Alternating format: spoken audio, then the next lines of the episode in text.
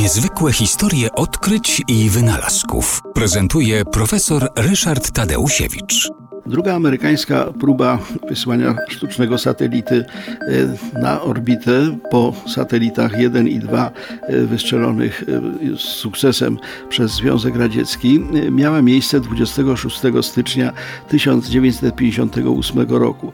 Dokładnie mówiąc, z tego dnia ten satelita miał wystartować, ale okazało się, że złe warunki pogodowe na przylądku Canaveral, skąd te rakiety amerykańskie startowały, potem zresztą na Księżyc, tam y, wiatr y, od morza spowodował oblodzenie tej rakiety. Y, musiano odwołać start. Start odbył się dopiero 5 lutego 1958 roku i niestety zakończył się też eksplozją. Rakieta wznosiła się przez 88 sekund, po czym eksplodowała. Vanguard został wobec tego po raz drugi pokonany. Wobec tego no, pojawiła się taka bardzo krytyczna opinia na temat tego, jak to właściwie ta, z tą techniką e, amerykańską jest. Na szczęście w międzyczasie, to znaczy dokładnie 31 stycznia 1958 roku, wystartowała inna rakieta Explorer 1. E, ta rakieta dotarła na e, orbitę, rzeczywiście wyrzuciła tam sztucznego satelitę. Po parę słów o tym satelicie za chwilę. Natomiast chcę powiedzieć, że tutaj w Stanach Zjednoczonych była dość specyficzna sytuacja, jak gdyby rywalizacji dwóch grup, które chciały eksplorować kosmos. Dwa nieudane starty e, satelitów Vanguard e, to było przedsięwzięcie cywilne. Natomiast rakieta Explorer, która ostatecznie tego pierwszego amerykańskiego satelitę na orbitę wokółziemską wyprowadziła, e, była rakietą wojskową.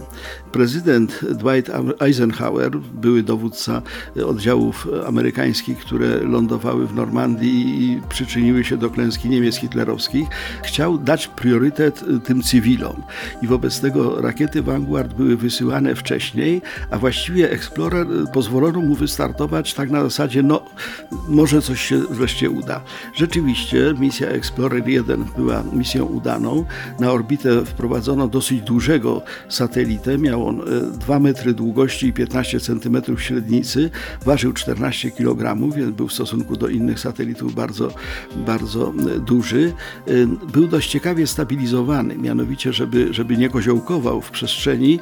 Wobec tego wprawiono go w ruch obrotowy i kręcił się z szybkością 750 obrotów na minutę, co powodowało, że, że nie koziołkował. E, ten satelita odkrył pierwszą ważną cechę przestrzeni kosmicznej, mianowicie tak zwane pasy Van Allena. Van Allen to był jeden z twórców satelity Explorer, który wyposażył tego satelitę w licznik Geigera Millera. Czy tam jest w, w kosmosie promieniowanie? Nikt się nie spodziewał, że to promieniowanie będzie. Tymczasem sygnały nadawane z satelity pokazały, że po pierwsze promieniowanie jest, a po drugie jest tak silne, że skończyła się skala na tym liczniku i pasy Van Allena okazały się tak niesamowicie promieniotwórcze, że, że to stanowiło potem duże zagrożenie. W każdym razie Explorer został wystrzelony, honor amerykański w kosmosie został uratowany, a autorem tego sukcesu tak naprawdę był Werner von Braun, czyli Niemiec, który, który został pozyskany jako zdobycz wojenna z ośrodka, który produkował swojego czasu rakiety V2.